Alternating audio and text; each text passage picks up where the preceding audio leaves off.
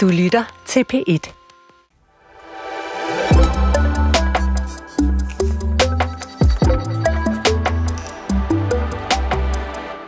Fremtiden. For mig var det engang noget med robotter og røntgenbriller og rejser i rum og tid. Jeg er født i 1973, så de der forestillinger var sådan nogle, jeg havde som barn og som teenager. I dag tager jeg samtidig mig selv i at tro, at fremtiden faktisk er ankommet. At kunstig intelligens bare er få måneder væk fra at løse kræftens gåde.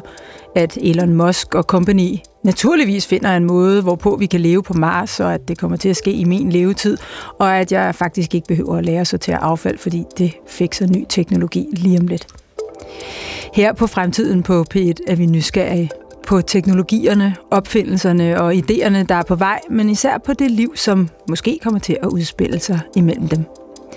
Jeg hedder Mette Valsted Vestergaard, og i dag, ligesom alle andre dage, er jeg nysgerrig på fremtidens musik. Lad os som sædvanligt begynde med at høre, hvad chatbotten ChatGPT kan få ud af det, når vi beder den om at lave et, tvær, et tværsnit af, hvad den kan finde på nettet, og skrive et om der beskriver musik om 100 år.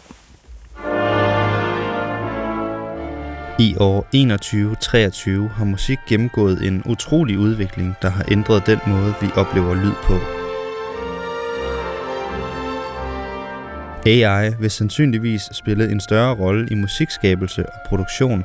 Kunstig intelligens kan hjælpe kunstnere med at generere musik, udvælge de bedste musikstykker til bestemte målgrupper og endda komponere musik i realtid under liveoptrædener. Musikkomponering er blevet revolutioneret takket være avancerede hjerne-computer-interface-teknologier. Komponister kan nu oversætte deres dybeste følelser og kreative impulser direkte fra deres hjerner til musikalske kompositioner. Dette skaber musik, der er tættere på kunstnerens sjæl end nogensinde før. Streaming vil sandsynligvis forblive den dominerende måde at forbruge musik på.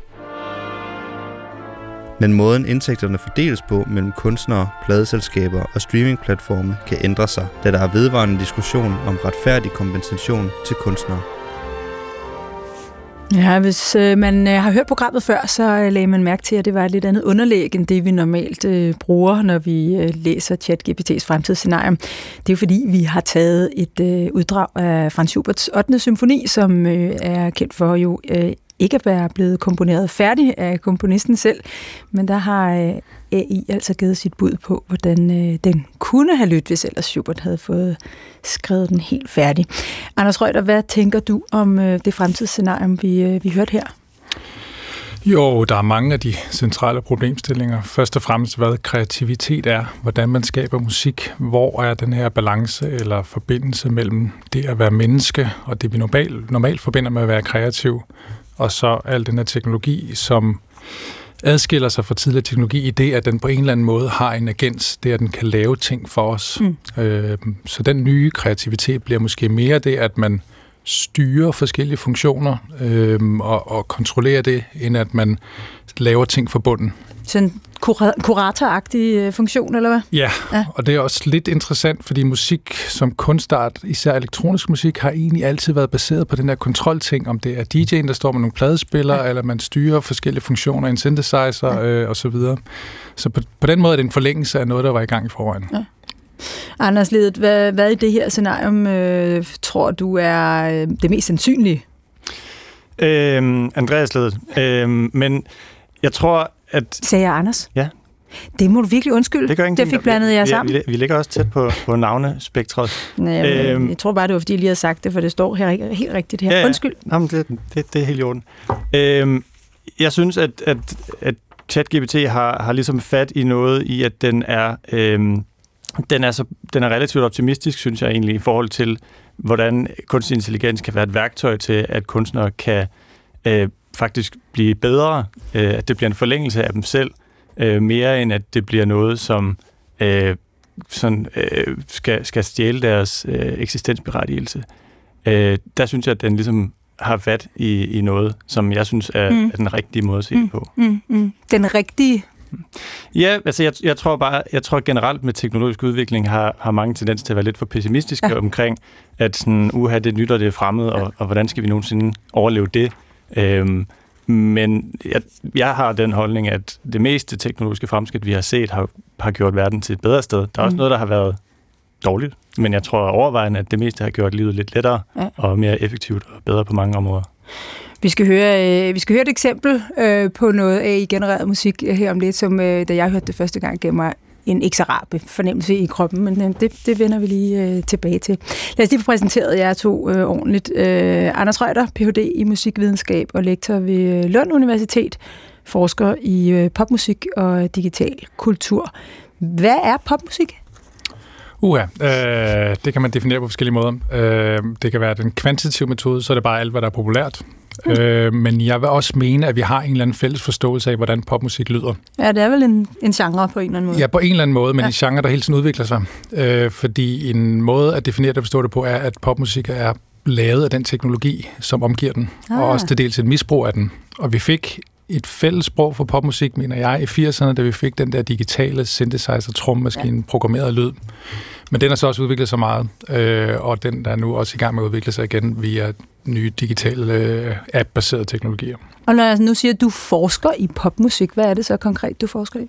Jamen det er blandt andet kreativitet. Øh, Jeg har skrevet en phd afhandling om, hvad øh, den her digitalisering betyder for musikalsk tid og rum, og det lyder måske meget langhåret, men, men for eksempel rummelighed er en helt central del af, hvordan vi opfatter musik. Altså i traditionelt øh, forstand, så, øh, så, så laver man musik sådan, det lyder som det gør i den virkelige verden. Men det, der er sket via software, er, at øh, vi fjerner os fra den virkelige verden i popmusikken. Øh, og det er måske ikke så mærkeligt, når vi sidder med vores skærme her i vores liv, og vi har en eller anden underlig rummelighed, en eller anden, øh, hvad skal man sige, tvetydig rummelighed, fordi vi har på den ene side en skærm lige foran os, og den skærm er så forbundet med mere eller mindre resten af verden. Mm. Og det kan man høre i musik. Nå, hvordan kan man høre det konkret?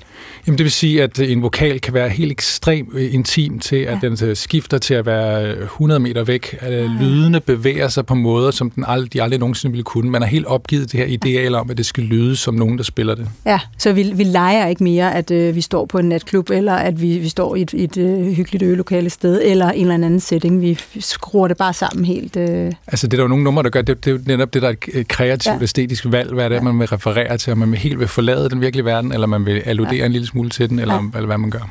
Så lidt, lidt, lidt, nærmest lidt surrealistisk på den måde, eller mag, magisk realistisk, Ja, måske ja. snarere. Uh, Andreas Ledet, uh, velkommen til dig også. Uh, Head of Marketing and Insights for uh, Universal Music, uh, eller det man i gamle dage kaldte marketingchef, tror jeg. Ja, det kan man godt sige. Ja. Uh, Universal er jo uh, stadig en af verdens uh, største pladeselskaber, og den danske øh, filial, kan man kalde den, huser blandt andre kunstnere som Lucas Graham og Michael Falk og Tessa og Tina Dikov og øh, mange andre. Hvad kigger I efter, når I, når I leder efter morgendagens stjerne? Uha, det er et godt spørgsmål. Jeg synes, jeg synes generelt, så, så, så nu hvor vi er i sådan en lidt teknologisk øh, AI-agtig diskussion i dag, så synes jeg, at, at det vi leder rigtig meget efter i den forbindelse, det er menneskeligheden. Øh, og at mennesket bag musikken har noget på hjerte, og noget, som ligesom kan connecte med, med forbrugerne. Ja. Øh, så det er meget den her sådan, artistfaktor. Altså, musikken er selvfølgelig også sindssygt vigtig, og det er, at, at artisten har en vision for musikken, men jeg vil ikke sige, at musikken kommer i anden række, men det er lettere at optimere på musikken, end at tage det menneske, som skal foregive at være en artist, og så ændre det fundamentalt til at være et andet menneske. Er det, er det sådan en, øh, hvad kan man sige, næsten modtrend til den, til den øh, digitale megatrend? Mm, man kan i hvert fald sige, at, at, at når at, at, hvad kan man sige, volumen i, i udgivelsesflowet i verden, hvor man taler om det her med, at der bliver uploadet 100.000 nye sange til Spotify hver dag, at det med at trænge igennem støjen, øh, der er det jo vigtigt, at man ligesom som artist kan, kan skille sig ud fra mængden. Øhm, og, og det kan måske være lettere øh, at gøre på sin sådan, karakter som Mm. menneske og som artist, mm. end med en, en popsang. Mm. Hvem, øh, hvem, er, hvem er morgendagens stjerne af dem, I, I har i hus nu?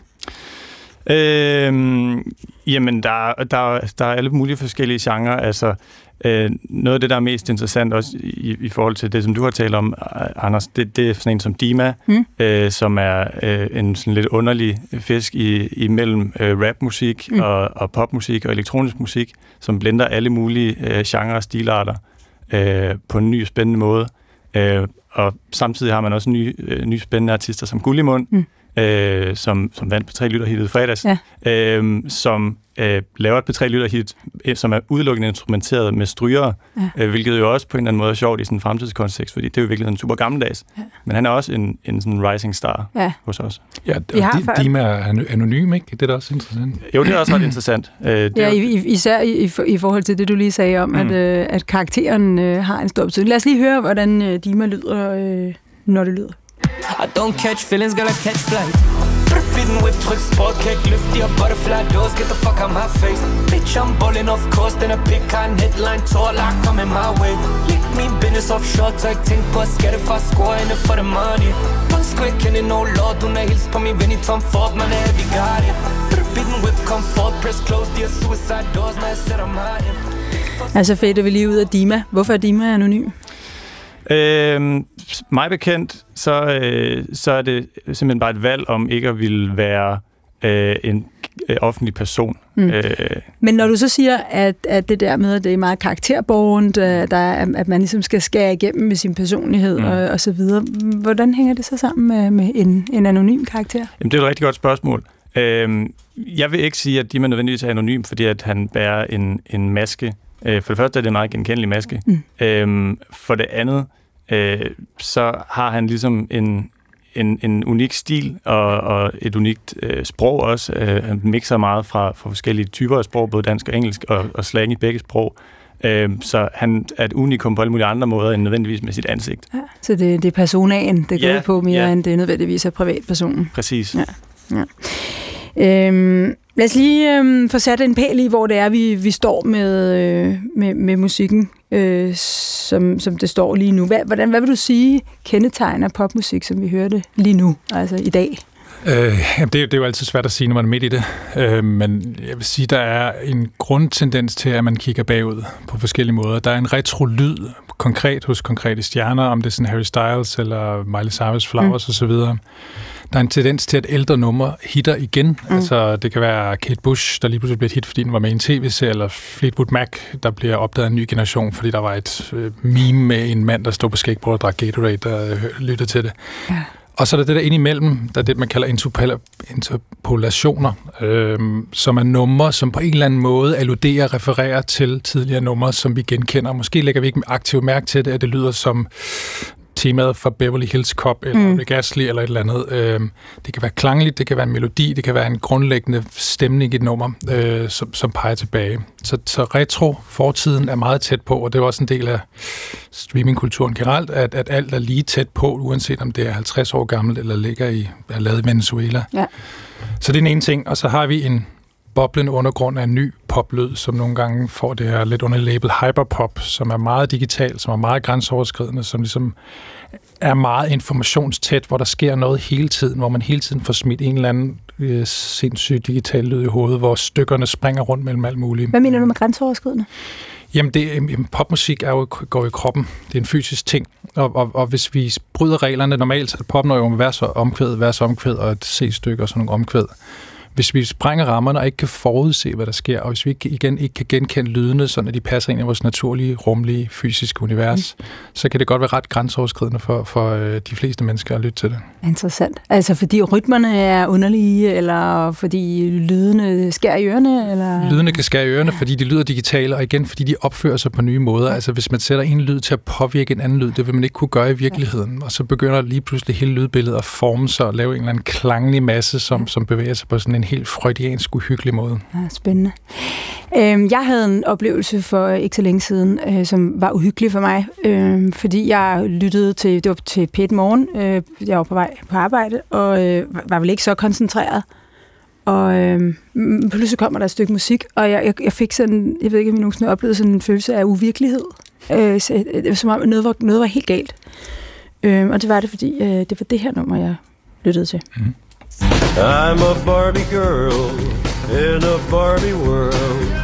Life in plastic, it's fantastic. You can brush my hair, undress me everywhere. Oh, come on, Barbie, let's go party, cause I'm in a Barbie. Ja, det øh, er umiskendeligt Johnny Cash, som er en af mine store øh, musikhelte, og øh, jeg kan også høre, at det er øh, publikum fra Folsom Prison, der står og jubler i baggrunden. Problemet er bare, at øh, han synger Barbie Girl, som jo er Aquas øh, 90'er hit. Øhm, hvordan er han kommet til det? Ja, det er han selvfølgelig, fordi øh, det er han blevet sat til af kunstig intelligens.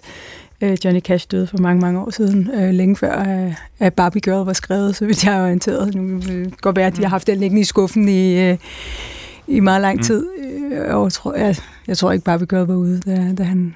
Nej, men jeg tror faktisk ikke, det er så langt, for han døde ikke i 90'erne. 91, tror jeg. Ja, jeg kan ikke huske, jeg, han døde. jeg, tror, han døde, jeg tror, han døde i 91, Ja, og jeg tror Barbie Girl er lidt Ja. senere. Ikke så? jo, det er 97. Det er nok ikke sandsynligt, at han har indspillet den Det er det øh, under alle omstændigheder. Nej, det vi godt. Øhm, så det har, det har AI øh, selvfølgelig gjort øh, muligt på en meget realistisk måde, må man sige. Mm. Øh, Andreas Lede, øh, hvor meget fylder AI øh, på, på pladeselskaber i dag? Øhm, jamen, det fylder meget, ligesom øh, det meste teknologiske fremskridt som regel gør, fordi at pladelskaberne er minimum en gang, og nok også flere gange blevet kørt godt og grundigt over af teknologisk udvikling, ja. som de ikke nåede at følge med på. Og den lærestreg tror jeg, at vi, øh, vi har taget til os, og derfor er vi øh, som branche meget øh, teknologisk øh, sådan, øh, opmærksomme, synes jeg. Mm. Øh, så vi er altid øh, på udkig efter, hvad, hvad er ligesom den nye bevægelse, og hvordan Mm. kan vi, hvordan kan vi øh, arbejde med den. Mm. Øhm, Er det sådan her, I skal arbejde med den? Øh, det mener jeg ikke. Øh, I hvert fald ikke lige sådan som den, der er blevet til, som jo øh, i hvert fald mig bekendt er uden øh, cash-familiens øh, samtykke og Ja. øh, øh, øh, kompensation for brug af stemme, og tilsvarende også med Aqua, som jeg nok heller ikke blev spurgt om lov. Det Nej. kan godt være, at det faktisk var helt øh, uetisk, at vi, at vi spillede noget af den her. Det må vi i, i givet fald øh, både undskylde og måske lige undersøge bagefter. Mm. Mm, hvordan så? Øhm, jamen, altså for det første, så, så, er der jo, så, er der jo, øh, så er der jo AI-teknologier, som ikke minder om det, vi lige hørte her, men som, som på anden vis kan, kan, kan gavne pladselskaberne. Øhm, Universal har lavet et partnerskab for nylig med noget, der hedder BandLab, som er sådan et øh, social music creation medie, hvor at, øh, at, at mennesker kan lave musik sammen gennem den her platform, og der bruger man for eksempel AI til at finde på idéer til nye sange, Mm. øh, for ligesom at skabe morgendagens øh, nye musik og morgendagens nye stjerner på det her medie. Mm. Øhm, det er en ting. En anden ting, hvis man skal gå tættere på, på Cash Aqua-eksemplet, øh, det er jo sådan noget som, øh, kan man arbejde med den slags øh, AI-genereret musik, hvor det rent faktisk er lovligt, og hvor at folk bliver kompenseret ordentligt? Kan vi licensere vores artisters stemmer og værker til AI-verden, hvor man så kan sige, men så må du gerne lave sådan noget musik der, men så sker der helt automatisk en kompensation af de oprindelige rettighedshaver, eller den Mm. mm. stemme, som er blevet genbrugt. Er der andre eksempler på, øh, at man har, øh, at man har på en eller anden måde har, har, har sendt AI ind og, øh, og arbejde med, med mennesker eller, eller værker? Øh, ja, det, det, der var en kæmpe ting med det på, på TikTok, og det er der nok egentlig stadigvæk, men det var meget her i foråret øh, og sommeren, hvor at, så var det lige pludselig øh, jamen netop Johnny Cash, der sang Barbie Girl, mm. eller Casey, der sang Thomas Helmi, eller hvad det nu har været. Eminem Øh, har været involveret i Eminem, eller ja, større... ja, også med David Guetta, så vidt jeg husker. Ja. Øhm, der har også været en sag, med, hvor det var en helt ny sang, som var Drake featuring The, The Weeknd, så vidt jeg husker, øh, som ikke var en sang, der var blevet genbrugt ligesom Barbie Girl, men hvor deres stemmer bare var blevet brugt på et, et nyt værk. Øhm, og, og, og der kom der jo en sag ud af det, hvor det også blev taget ned fra streamingtjenesterne, fordi Ja. at det netop ikke ligesom var inden for det, vi kan kalde øhm, ja, copyright-lovgivning og Er det, en, er, det en, øh, altså er det en ting i fremtiden, at man kan sige, Nå, så sælger jeg rettigheden til min stemme, til øh, at nogle andre kan bruge den på et eller andet nummer? Øhm, ja, det tror jeg ikke er utænkeligt. Mm. Øh, det, skal, det skal nok bare sættes i system. Der er, der er systemer til det. Øhm, der er noget, der hedder Moiser, tror jeg, som er, er, er netop, hvor at folk kan indtale øh, deres stemmer, og så bliver den sådan syntetiseret ind i det her AI-univers, og så, så kan man ligesom tjene nogle sådan microtransactions på, at folk Mm. bruger det. Øh, ser det også inden for sådan voice-over. Øh, hvis vi bruger en voice-over til en reklame, at så, så kan det også være AI-genererede stemmer, der laver det. Øh, det, er jo, det er jo et, et mindre komplekst på mange måder copyright-mæssigt, fordi at du ikke går ind og sådan, øh, tager artist øh, IP eller, eller, eller sange, der er komponeret, men det er stadigvæk, at så har der måske været en voice, øh, voice-over-artist inde i studiet, og så indspillet sin stemme en gang, og så kan man så blive ved med at tjene penge på den bliver brugt i tusind forskellige reklamer. Man kan sige, hvis AI kan finde ud af at, øh, at, at færdigkomponere Supertotte, så Mm. kan det jo være, at det efterhånden vil blive altså, øh, den, den originale stemme, der er, der er salgsvaren, hvis man har en distinkt en, ikke? Som, mm. som Johnny Cash eller Eminem eller Ja, Rihanna eller hvad mm. ved jeg. Måske. Interessant. Hvad, hvad kendetegner den måde, man, øh, man laver musik i dag, hvis vi ser øh, sådan lidt teknologisk på det, øh, Anders Reuter?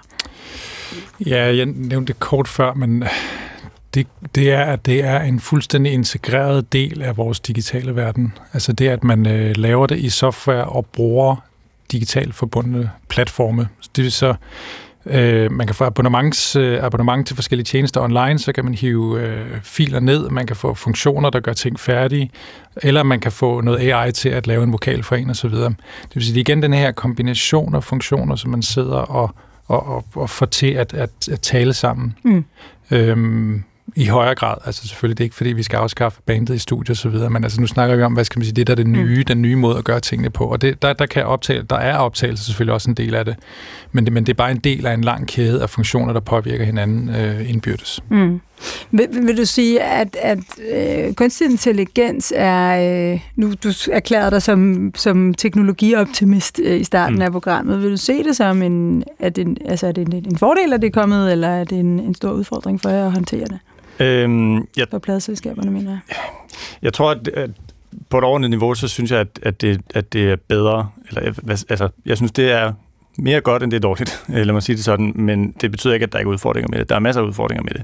Mm. Men jeg tror, at hvis man, øh, hvis man som pladselskab, eller som artist, eller producer, kan embrace det og tage det til sig, og finde ud af, hvordan skal man eksistere i den her nye øh, teknologiske virkelighed, og hvordan skal man bruge det til sin fordel, så tror jeg, at det bliver godt. Øhm, men der er masser af udfordringer, som netop er det, vi ser nu i, i hos os i pladelskabsbranchen. Øh, så er det netop det juridiske, som mm. fylder rigtig meget, og det, Mm. som stadigvæk holder os lidt tilbage i forhold til, Mm. vi har stadigvæk nødt til at have en eller anden skepsis i forhold til, øh, bliver, er der lovgivning nok på området, og bliver tingene ligesom gjort ordentligt. Mm. Nu nævnte du, øh, jeg ved ikke, om vi skal kalde det en ny genre, men måske skal vi. Øh, hyperpop kaldte du det øh, til at starte med. Nu har vi faktisk øh, vi har et eksempel, øh, 100 gags. Mhm. Øh, lad os lige prøve at høre lidt. Big game for someone with such a small truck. Oh, look at those arms. Your arms look so fucking cute. They look like little cigarettes. I bet I could smoke you. I could roast you. And then you'd love it. You text me, I love you. And then I'd fucking ghost you. Big boys coming with the big strut. I feel so cool. Jeg synes, vi skal skynde os at fade ud af det. det lyder som sådan noget, mine børn hører fra TikTok. Øh, og laver mærkelige bevægelser til. Mhm. Mm-hmm. Øh, hvordan opstår nye genrer?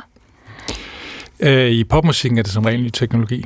Ja. Øhm, det, det er Because we can, can, can, som man siger. Ja, om, altså popmusik, ja, det lyder som en kliché, men der er jo den underlige blanding af noget, man kender, og så noget, man skal, der skal være noget nyt, et ja. eller andet, man ikke har hørt før. Ja. Og, og det ligger som regel i, at man, man misbruger tek- teknologi på en ny måde. Ja.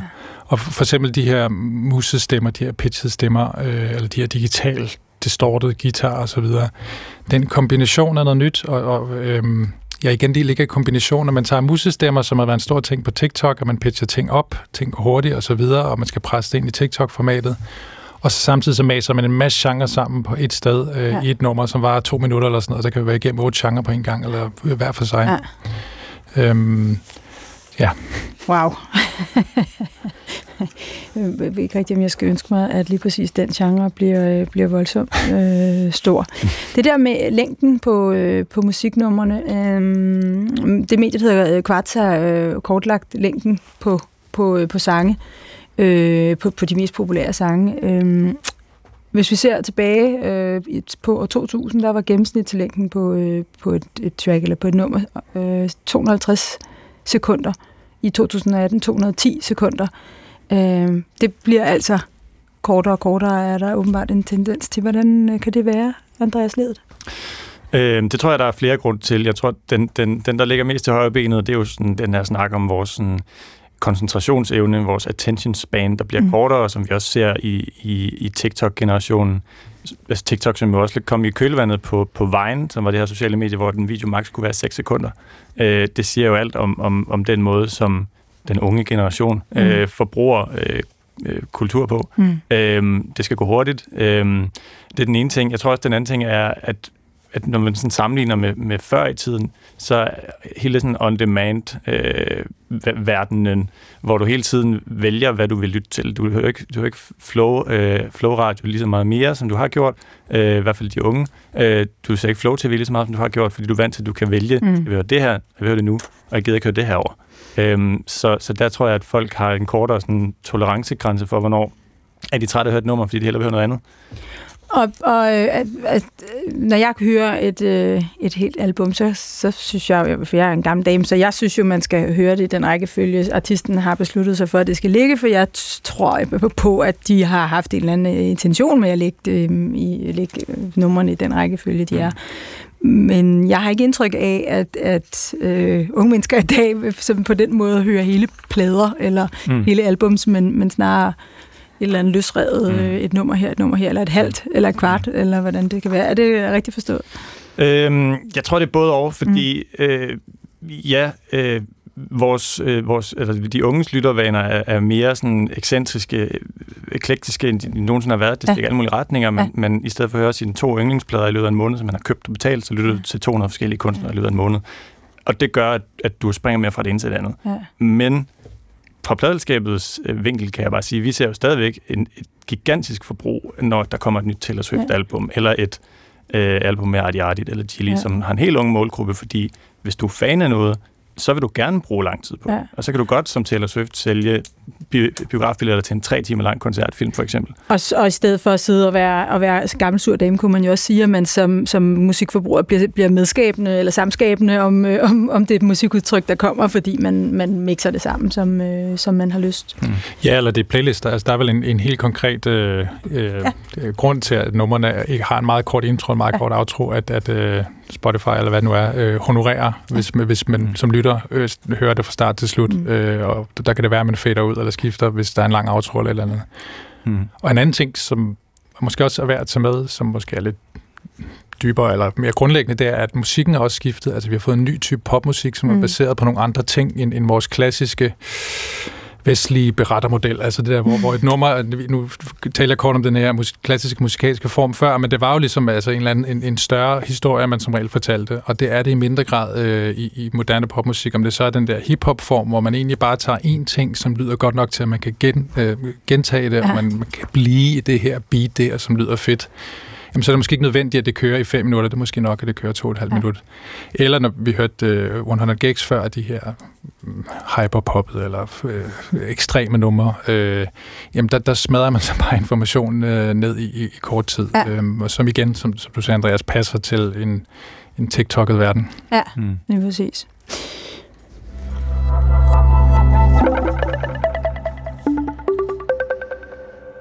Fremtiden på P1 handler om musik i dag. Derfor spiller vi masser af små stykker musik og taler om, øh, hvordan øh, den kommer til at lyde i fremtiden. Mine gæster er Anders Røgter, Ph.D. i musikvidenskab ved Lund Universitet og forsker i popmusik og digital kultur, og Andreas Ledet, som er marketingchef for Universal Music.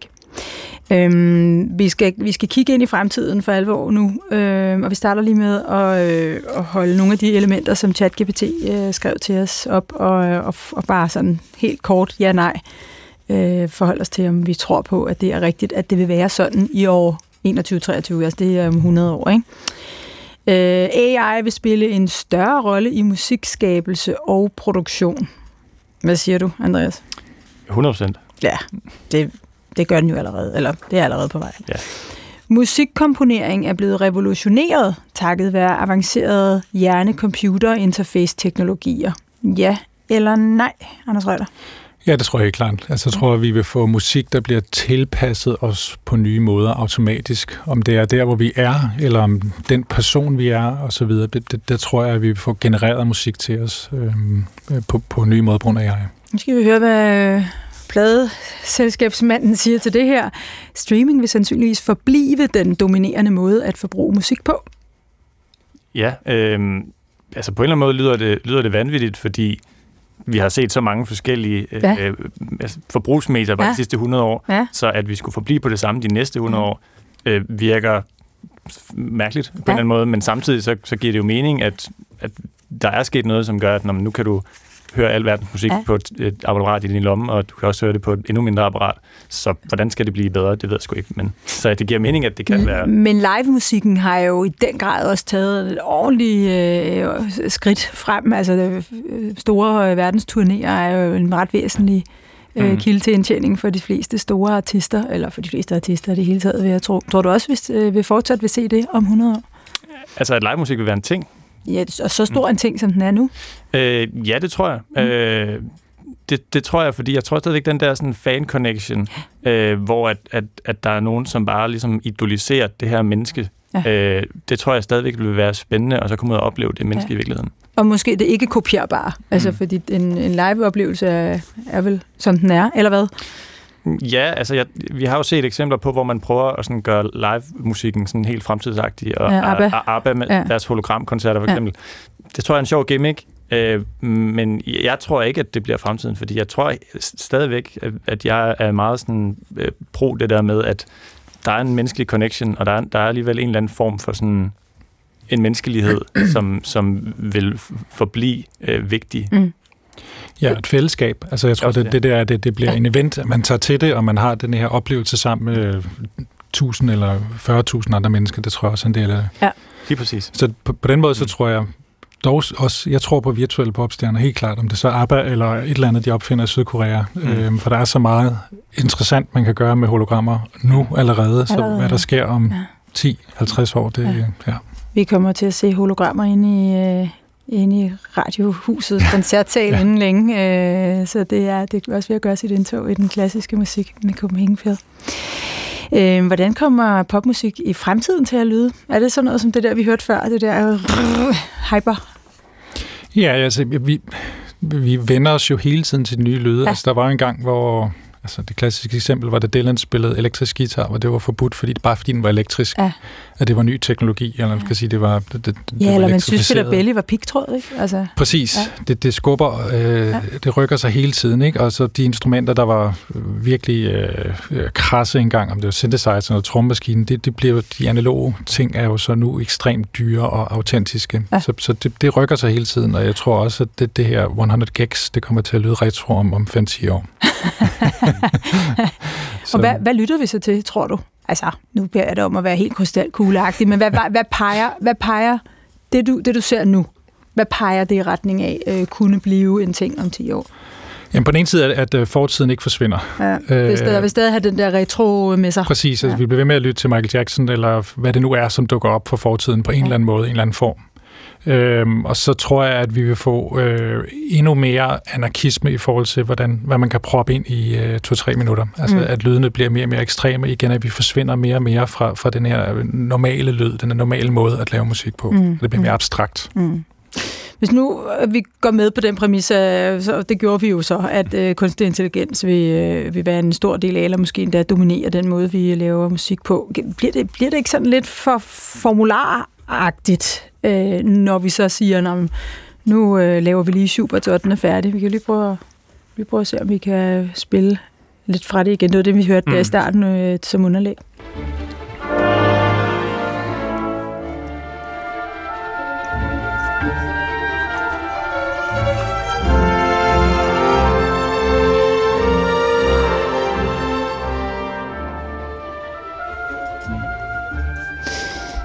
Ja, det, det, det, umiddelbart, det lyder jo strålende, mm. Men det er jo ikke Schubert, der har skrevet det her. Det er jo noget, der er genereret øh, ud fra en analyse, som kunstig intelligens har lavet af, det, mm. af den lille bid, øh, der var de to satser, eller hvad det er, der er det eksisterende, altså er det, er det oprindelige værk. Hvad, hvad, hvad gør det ved musikken? Øhm, altså i forhold til, til, til det, du sagde med, om, om det bliver for formularagtigt, så, så, så tror jeg, øh, ja, det kan sagtens blive mere formularagtigt, men jeg vil samtidig sige, at musik, eller dele af musik, er i hvert fald allerede meget formularagtigt, ja. har været det i lang tid. Selv i, i tilbage i klassisk musik, øh, var der jo rigtig meget musik, der blev lavet ud fra et meget, meget stramt sæt regler. Øh, og hvis du gik uden for de regler, så var du helt ligesom det land, der spillede elektrisk lige pludselig, så gik folk fuldstændig bananas. Jo, men Øhm. det gjorde Mozart så alligevel og blev Ja, ja, netop. stor på det. Netop. Jamen, jeg, jeg, jeg, det, det, det er netop det, der også er, er spændende, fordi dem, der bliver de store, det er jo også dem, der tør at bryde reglerne. Ja. Så jeg tror også, at, at sådan, der, hvor popmusik er i dag, og der, hvor den også har været øh, de sidste 50-100 år, har der været masser af popmusik, der er produceret på opskrift nærmest. Øh, og noget af det er blevet rigtig stort, øh, men jeg tror stadigvæk, at meget af det, som netop bliver øh, de store genier, det er også dem, der bryder reglerne. Og det tror jeg, det tror jeg at, at i en verden, hvor at AI gør, at meget bliver formularisk, så tror jeg stadigvæk, der vil være brug for dem, der så ligesom tager det skridtet videre. Men, men altså, er det ikke fristende at sige, ej, George Michael døde alt for ung, og det gjorde Prince også, og det, altså, det var masser af popstjerner, der har gjort. Amy Winehouse, kender, der er mange af de der over Klub 27. Mm. Er det ikke fristende at, at, at, at give dem nogle nye hits, efter de er døde? Øh, fra pladelskabssynspunkt, øh, måske som gimmick øh, i starten. Øh, jeg tror ikke, det er en bæredygtig forretning. Hvorfor? Øh, fordi at jeg tror, at fans er fløjtende ligeglade i længden. Øh, de vil stadigvæk høre øh, de gamle, de ægte, dem som de ved, kunstneren har stået bag. Mm. Mm. Altså, det ser vi både med, med altså, når der var nogle unge rapper, der er døde Mm. mm. tidligt, for eksempel en som Juice World, hvor der kommer posthume udgivelser. De hitter ikke lige så stort som dem, der var der, da han levede. Måske fordi, at han ikke er der længere, det virker mindre ægte. Måske Mm. fordi, at det var måske bare nogle skuffesange, Mm. som han selv egentlig ikke har lyst til at udgive, for han ikke synes, de var gode. Det er den ene ting. Den anden ting er, selv når vi har artister, der stadig er i live, øhm, det kan være Paul McCartney eller Rolling Stones, der udgiver ny musik, det bliver heller ikke helt lige så stort, som det gjorde dengang, Nej. at, at de var øh, det, det helt hotte. Øhm, så jeg tror, der, der er en naturlig fadende interesse for det. Anders Reuter, kan du, kan du se for dig, at, vi, at man vil begynde at udnytte øh, den der særlige lyd, en, øh, en meget, meget dygtig øh, popmusiker for eksempel kan have, og, og, og til også at, at lade dem udgive musik, som de aldrig nogensinde har øh, lagt deres hænder på? Altså få Johnny Cash til enten at synge Barbie Girl, eller måske faktisk udsætte nye hits øh, mange år efter han er død. Ja, helt klart. Altså fristelsen må der være der. Lige nu Ja. tror jeg mest, det gimmicks, og det er sjovt, når det er blevet lagt ud. Ikke? Dem, dem vi nævnte i starten. Ja. Øhm, men jeg tror også, der er en modvilje mod det. Altså, jeg tror også, øh, fans vil, vil, vil, vil... Når lige så snart det bliver sådan et med- afdøde mennesker, så er der en eller anden form for gravrøveri, eller et eller Ja. andet, der, der måske er problematisk. Men jeg tror måske, at i andre sammenhæng, om det kan være en reklame eller sådan noget, der kunne måske være rigtig mange interesser i at, at bruge en eller anden specifik stemme, som du også finder på, Andreas, at, at man, man bruger det til speaks og den slags Mm. andre sammenhæng, og betaler måske nogle, en masse penge for det. Mm. Og der, der tror jeg da nok, der kan være en vej der. Vi skal, øh, vi skal lige tale lidt om, om det, nu nævnte du selv, øh, en bæredygtig vej, øh, og vi har talt lidt om øh, musikstreaming. Vi skal lige høre, hvad øh, Frederik Juhl Jensen, som, laver, øh, som, som skriver Ph.D. ved, øh, ved Sorbonne øh, Universitetet i, øh, i Paris i øh, musikstreaming-økonomi, har at sige øh, om den sag. De fleste vil mene, at musikstreaming ikke er bæredygtigt lige nu, fordi at både øh, streamingtjenesterne har underskud, de kan ikke leve af, af den andel, de får indtægterne. Rigtig mange øh, artister og sangskrivere klager også over, at de har svært ved at få det til at løbe rundt. Og så lidt som de eneste, så nogle af de større pladeselskaber tjener egentlig ret fint på det, fordi at de har mulighed for, at de har et kæmpestort øh, katalog øh, og 10 gammelt musik, så de har mulighed for at tjene en lille smule på rigtig mange ting, og derfor begynder det at give mening for dem. Prisen på et øh, streamingabonnement har længe været de her 99 kroner i, i Danmark. Øhm, det er så lige hævet til 110 de fleste steder. Det har egentlig ikke rykket sig siden streaming kom frem i øh, nu omkring 2010 og snart 15 år siden. Øhm, hvilket vil sige, at et abonnement egentlig aldrig har været billigere i forhold til, hvordan øh, prisindekserne øh, ellers har, har rykket sig. Og det har jo også en stor effekt for, for artisten og de andre rettighedshavere, at de kan gå ud og købe mindre og mindre for de penge, et abonnement ligesom koster. Ja, altså man kan jo godt forestille sig, at den situation, der nu engang er, altså mulighederne for indtjening, kan presse igennem, at man begynder at træffe nogle kunstneriske valg i forhold til, øh, hvordan man producerer musikken, og hvem der skriver den, og, og hvad det er for nogle kilder, man, man øh, udnytter. Øhm, kan vi godt øh, kan man forestille sig, at vi, vi bliver nødt til at finde en anden måde at forbruge musik i fremtiden? Fordi det her, det lyder jo ikke øh, holdbart i længden. Ja, jeg tror ikke, forbrugerne gør det af sådan øh, idealistiske årsager. Jeg tror, forbrugerne er convenience, øh, hvad der er nemt. Ja. Øh, men det er rigtigt, der er en nød, der skal knækkes her for, for øh, de mindre og mellemstore artister, som, som har udfordringer. Og så er det netop live musik, eller nogle andre indtægtskilder. Det kan være synk, altså det at man bruger sine musikrettigheder, og man kan bruge det i tv-serier, reklamer Mm. og den slags. Mm. Øh, men, men det er jo stadig de færreste, som er, som er heldige nok til det. Og der det ved du mere om, end jeg gør, Andreas, men, men det er rigtigt, det han siger, at, at pladselskaber er ligesom blevet de her arkiv-katalog-ejere, øh, øhm, hvor man så kan være heldig netop at noget lige pludselig øh, går amok, og så tjener man en masse penge, øh, eller man kan prøve at starte det selv ved at få nogen til at lave covernummer, mm. eller og så videre. Mm. Men det, det, der, der er en udvikling i gang her, øh, og en konsolidering, mm. som, som, øh, som der, der er nogle problemer indbygget i. Hvor skal I hente jeres indtjening i fremtiden, Andreas Ledet? Øhm, jamen, teknologisk udvikling øh, har som regel været noget, som har kunnet give nye indtægtsmuligheder, hvis man finder ud af at udnytte dem ordentligt mm. øh, som rettighedshaver. Og hvad vil det konkret sige? Jamen for eksempel, altså, nu, nu taler vi lidt om det her med, kan man licensere en stemme, og så, og så ja. blive ved med at tjene penge på, hver gang den bliver brugt. Det er den ene ting. Øh, den anden ting er... Altså, så Johnny Cash-eksemplet Johnny, Johnny, er faktisk Johnny, ikke helt urealistisk. Altså, nej, nej, nej, nej, nej, ikke nødvendigvis, skørt. hvis man kan lave en, en model for det struktureret, og i systemer, hvor der er regler for, hvordan bliver pengestrømmen ligesom opgjort korrekt. er det i gang? Øh, ja, det, vil, det, det er det, men det, det er stadigvæk meget early days. Ja. Men man kan sige, at det som AI også kan bruges til, er jo også netop at identificere den slags ting. Øh, til at crawle hele internettet og finde ud af, hvor bliver der brugt noget, som måske er ophavsretligt beskyttet. Så, øh. så kan det blive en... Øh, altså, kan jeg komme til at vælge, at Johnny Cash skal vise mig vej på min GPS, øh, og det tjener I så nogle penge på, sammen med Johnny Cash's efter, eller bo, øh, eller efterladte? Det ville være underligt, men det er jo ikke umuligt. øh, så, så, så, så ja, det er en mulighed. Ja. Jeg, jeg tror også, der er en, der, der kan ske nogle spændende ting lidt i det, at musikbranchen smelter mere og mere sammen med andre brancher. Ja. Øhm, Hvilke for eksempel? For eksempel gamingbranchen. Ja. Øh, igen, øh, Sydkorea, K-pop-industrien er mm. en lille smule foran, eller de, mm. de skubber til en masse ting lige nu. Øh, en af de ting, som jeg synes er voldsomt interessant, er, at øh, de her store spilvirksomheder, som omsætter for, jeg tror det er 10 gange så meget som musikindustrien eller sådan noget, de begynder at lege med at lave artister ind i deres spil. Og igen, virtuelle, virtuelle artister og sådan noget. Og det, jeg tror mest, det har været et eksperiment indtil videre, men altså det, at man kan have online-universer, ja. som man som fan selv kan være en del af, og så kommer de her artister ud og turnerer som hologrammer, eller du kan købe skins til dem og alt muligt de er ude og turnere, nogle af dem jo som Præcis. hologrammer. Ja, ja. ja. og det, der, der er altså bare et potentiale her, og ja. der er måske også en anden måde at gøre ting på øh, i, i de her brancher, og måske også nogle større økonomiske muskler. Øh, så, så jeg kan ikke forudse helt præcis, hvad vi kommer til at se, men jeg tror, IP-rettigheder på tværs af, mm. af, af, af industrier kommer, kommer til at øh, ændre sig. Hvad gør man så med den der persona, som vi startede med at tale om? Altså, at vi vil, vi vil gerne have øh, popstjerner, som har en eller anden, så står rimelig klart eller tydeligt frem med en personlighed personlighed, hvad enten det så er en privat personlighed, eller det er en, man har øh, skåret ind i en maske. Mm. Hvordan, hvad, hvordan, gør, hvordan håndterer man så det, hvis der er tale om en, en fiktionsfigur skabt i øh, et computerspil? Mm. Altså... Det er en opgave for marketingchefen. ja, ja, det kan man sige. Jeg vil faktisk... Altså, jeg har ikke, altså, jeg er enig med dig i, at, at der kan sagtens øh, eksistere virtuelle artister. Øh, og især hvis, når man snakker øh, K-pop, det koreanske marked, der er nogle kulturelle forskelle forskellige steder i verden, som gør, at man er mere eller mindre åben for den slags ting som mm. Øh, jeg har ikke set, øh, set det lykkes endnu. Der er masser af eksempler på virtuelle artister, mm. men, men, men til stadighed, så synes jeg stadigvæk, at det meste har holdt sig i sådan en gimmick-fase, hvor at at det, det dør ret hurtigt lidt ud, mm. øh, og det bliver ikke en, en sådan langtids, øh, langvarig fan-connection. Mm. I hvert fald ikke i, i de markeder, som, som vi ligesom orienterer os mest imod, som er Europa og USA. Mm.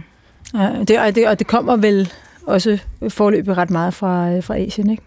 Jo, det gør det. De, ja. Der er også den der japanske popstjerne. Ja. Øhm, jeg, jeg tror, øh, og det er måske lidt kontroversielt der, men jeg tror, vi har en måske en romantisk idé om vores forhold til popstjerner generelt. Ja øh, som vi tror, altså vi tror, at den identitet, identitet eller persona er noget, der ligger i popartisten, men altså, jeg, jeg ved sgu ikke, hvem Katy Perry er, jeg ved sgu dog nok, hvem Taylor Swift er egentlig som person. Det, altså, det er en eller anden form for identitet, eller fællesskab, jeg skaber i mig selv, ja. som måske mindre findes i den person. Og jeg forstår godt det, du siger, Andreas, med at når man leder efter en artist, så leder man efter den her unikke personlighed og så videre. Mm. Øh, men det er måske mere i en, hvad skal man sige, en rock-sammenhæng, den der traditionelle måde, at det er det her performance-baserede. Mm. Og der, der er pop, nu spurgte du også i starten om, hvad pop er, hvad det er for en genre, ja. eller hvad det er for noget. Og der er pop i højere grad baseret på, at der er en artist, som øh, performer numrene, og så er der et stort team af mennesker bagved, som, som laver musikken. Øhm, og der, der, den, den her måde at, at gå til musik i poppen er måske mere baseret på øhm, en idé om en artist. Og, og i, i det billede, i, hvad skal man sige, hvis man tager det med, så kan det måske godt passe ind med virtuelle artister. Det kan godt passe ind med, altså ja, det er rigtigt, mm. man er måske mere åben for det i, i, i K-pop, hvor mm. man har et eller andet girlband eller boyband, hvor der står øh, 9 eller 22 artister, der ser ens ud. Mm. øhm, men, men, men ja. Ja, jeg, jeg, jeg, jeg er ikke uenig med dig. Øh, fordi jeg, jeg, har, jeg synes også, vi har en tendens til at romantisere de her ting på sådan en rockistisk øh, façon, øh, hvor det bliver meget sådan stjernen og håndværket. Øh, men jeg synes stadigvæk, at det, som vi sådan øver os allermest i at spørge os selv om, når vi skal finde nyt talent, det er bare det her med, sådan, hvad skal man hænge sin hat på ved den her artist? Mm. Hvorfor skal en øh, forbruger altså, bekymre sig om den her artist og, og, og, og, og have et forhold til den her artist. Så det kan, så det kan godt være, at, at det ikke er noget, som man kan sige, at artisten nødvendigvis har, eller hvor man kan sådan pinpointe, sådan, om hvad er det, der gør Katy Perry eller Taylor Swift interessant. Øhm, øh, med det sagt, så ved jeg heller ikke, om Katy Perry nødvendigvis ville have fået den samme sådan, fandom i dag. Men man kan sige, hvis, hvis vedkommende bliver båret frem af, mm. at uh, milliarder af, af drenge har siddet mm og, og, og lyttet til vedkommende midt inde i Fortnite, eller hvad ved jeg, mm. så, øh, så, så, så kan det være, at I får foræret et eller andet, som, som man så ikke bare sidder over og hører i. Jamen, sagtens. Det, det er jo i hvert fald det her med, med det her med, med sådan, øh, det her hvorfor, mm. øh, som jo især i, i sådan en e-sports gaming-kontekst, som er gigantisk, og som mm. også er noget, vi kigger, kigger ind i fra musikbranchen, så kan det jo også bare være netop det her med, om hvis du har øh, gaming som din største interesse, og der er en artist, der også har det. Hvis du ser Travis Scott lave en, en Fortnite-koncert, så bliver han også lige pludselig en mm. artist, der har som identitet, at han synes, at gaming og Fortnite er sjovt, og han synes, at, at de samme ting som dig er spændende, så bliver det lige pludselig noget, som du som øh, forbruger kan hænge din hat på hos den her artist.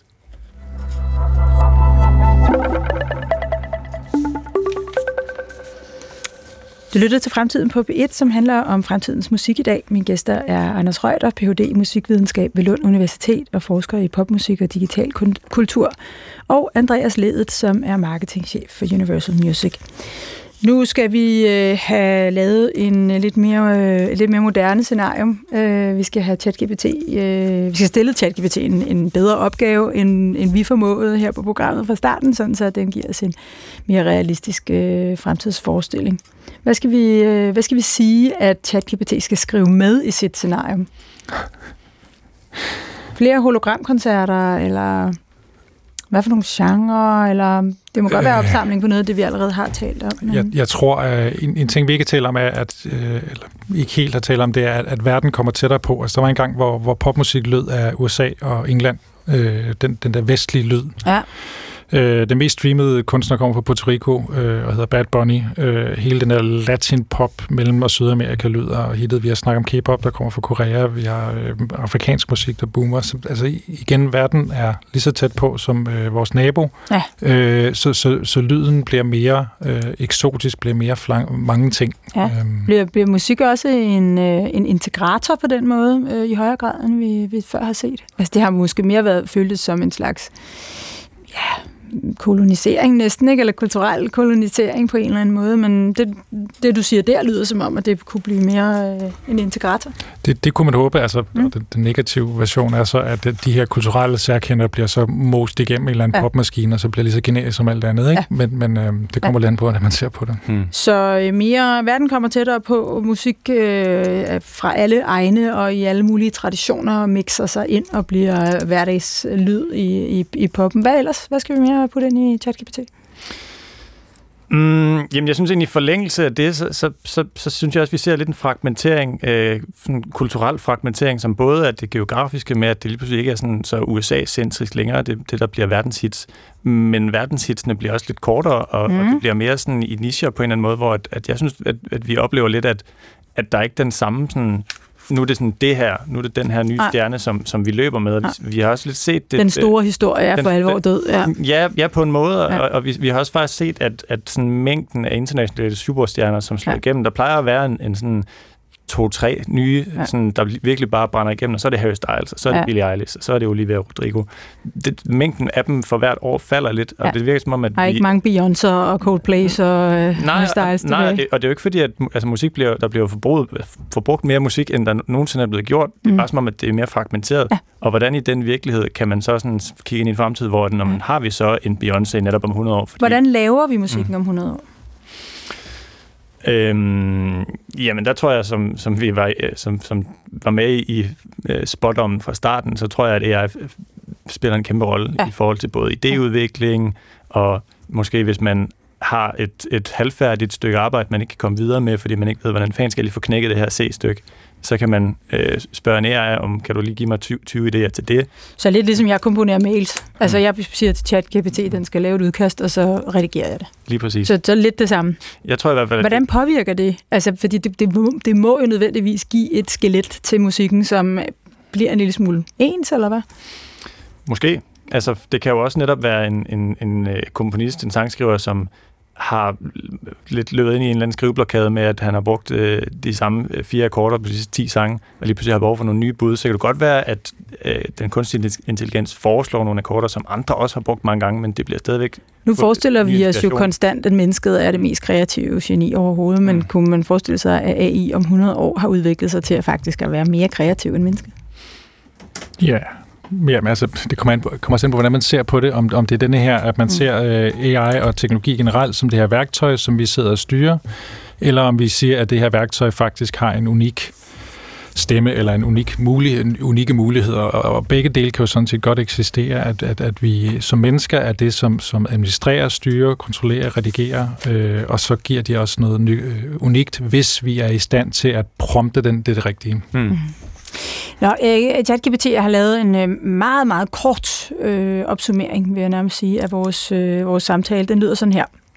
I år 2023 har musiklandskabet gennemgået dramatiske ændringer.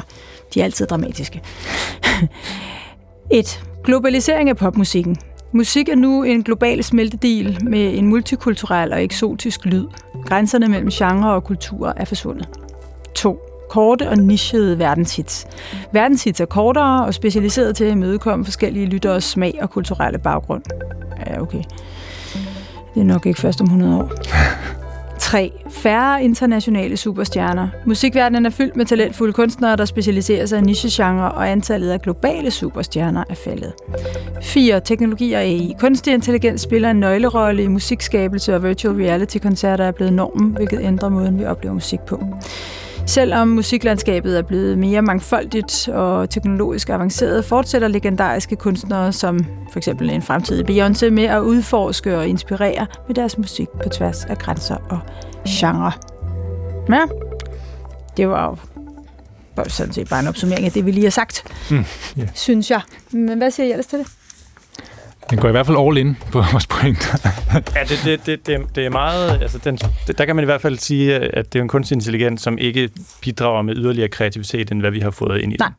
Det gjorde den virkelig ikke. Så Der var ikke, meget, ikke skrevet meget relationelt eller meget liv ind imellem øh, statement, statementsene. Den, den løber i samme retning, og der Ja. kan man måske sige, at der, der kommer også altid modreaktioner. Det er måske også Ja. det, vi er i gang med at høre nu med den her retrobølge. Der vil Ja. altid være modreaktioner. Jeg tror ikke, vi, vi... Det er ikke slut med at høre jazzmusik i et lille røgfyldt lokale. Altså, Heller ikke om 100 år. nej, jeg tror ikke. Hvad tror du ellers, vi lytter til om 100 år?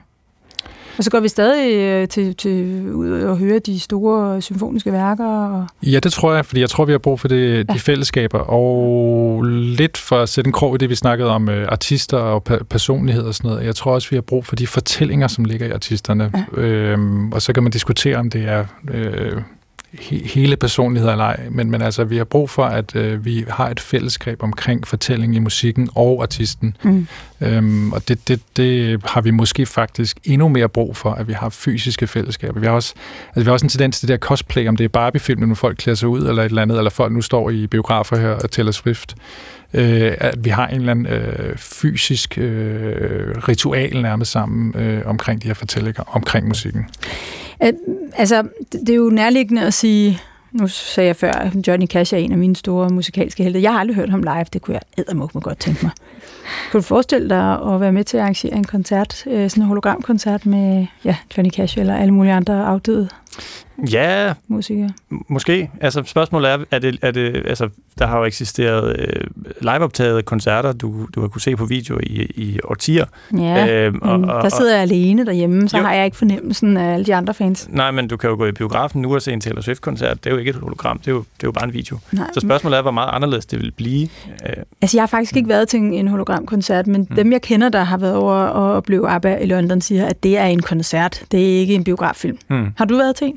Øh, Jeg har faktisk ikke været til dem, men jeg har også kun hørt godt om dem. Ja. Øh, til gengæld ved jeg også, hvor dyrt det har været at producere. Ja. Øh, så, så, så det er ikke noget, som man bare lige gør, øhm, og hvis det skal være overbevisende. Og spørgsmålet er så, når man bruger man så, så, så mange ressourcer på at lave noget overbevisende med Johnny Cash eller med Michael Jackson. Men det er jo bare et spørgsmål om, man kan få, få pengene ind på billetterne. Altså. Ja, ja, ja, du kan blive ved med at, at køre den mange gange, selvfølgelig. Du kan godt tjene den hjem på lang sigt, så frem det ikke bare bliver en gimmick. Så frem Ja. folk ikke går til arbejde og siger, "Nå, men det var sgu meget sjovt, og så gider de ikke at, at købe flere efterfølgende med andre kunstnere. Men du er marketingchef i, øh, i verdens største pladeselskab. Hvad, hvad, altså, tror du på, at det er en satsning, som, som du kunne forestille dig, at I ville tage og, og, og forsøge at gøre det her til en, øh, en, en vej at gå for jer, og Så- et sted at tjene penge ind? Altså hologramkoncerterne. Ja, der vil jeg langt hellere fokusere på, øh, på, på, på ægte koncerter med nye artister, Ja. øhm, som, som stadigvæk er en god og gangbar forretning. hvorfor? Jamen fordi, at, at, øh, at, at, at det tror jeg stadigvæk har mere gang på jord. Jeg tror, der er en større efterspørgsel på det. Jeg tror, det er en mere ægte oplevelse for fans. Mm. Øhm, ikke Hvad nu, hvis man kunne arrangere den der intime David Bowie-koncert, som øh, ikke engang fansene nogensinde kom til? Tror du ikke, den ville... Øj, der, så kunne man omsider få prøvet det. Jeg ved det sgu ikke. Altså, det, det, det, det er jo meget en synsning, øh, og, Ja. ja. og, og som øh, kæmpe David Bowie-fan selv, så vil jeg bare sige, at jeg gad sgu ikke at se det. Nå. Øh, jeg vil hellere sidde og høre pladerne derhjemme, eller se, Ja. ja. se koncertfilm, hvor Ja. ja. det rent faktisk er, er ham Ja. øh, på videoen. Men, Men- det er jo en, men det er en smagsag, og, og der er sikkert et marked for det. Jeg tror ikke, det er et stort marked. Nej, interessant.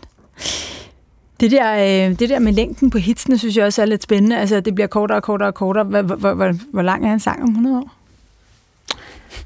Uha, jamen det, det, hvis vi ligesom bare tegner en streg på grafen, Ja. ja. og vi skal måske også lige huske, at for et halvt århundrede siden, altså for i 50'erne og 60'erne, var numrene faktisk også lige så korte. Ja. Og igen var det mediet, der ligesom definerede det. Det var fordi, at der ikke var så lang spilletid på Ja. en vinyl-singleplade, og det var fordi, der var kommersiel radio, hvor det ikke gik, hvis, hvis numrene var for lange, for så kunne der ikke komme en annoncør eller en radiovært. Så det er ikke første gang, at vi ligesom har haft kort nummer på grund af, af mediet. Men, øh, men interessant jo, hvordan det får musikken til at lyde, fordi man øh, meget hurtigt skal hen til øh, omkvædet, og meget hurtigt skal ud Ja, igen, ikke? Og det går lidt den vej. Altså, det, at vi er gået fra til dels albummet til singlen til nu måske bare den gode idé, det der korte, den, den korte ting, der fungerer på sociale medier. Nu spiller der musik i, øh, i vores ører, og det gør der, fordi øh, nu er vi ved at øh, skulle afslutte udsendelsen. Det, det her tror jeg vi godt, vi kunne tale om øh, hele dagen lang. Øh, det har vi øh, beklageligvis ikke tid til.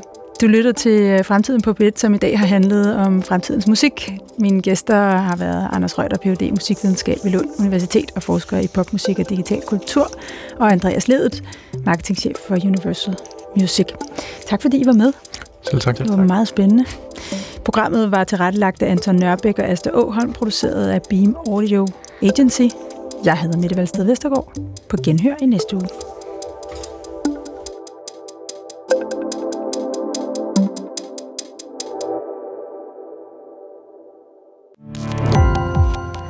Gå på opdagelse i alle DR's podcast og radioprogrammer. I appen DR Lyd.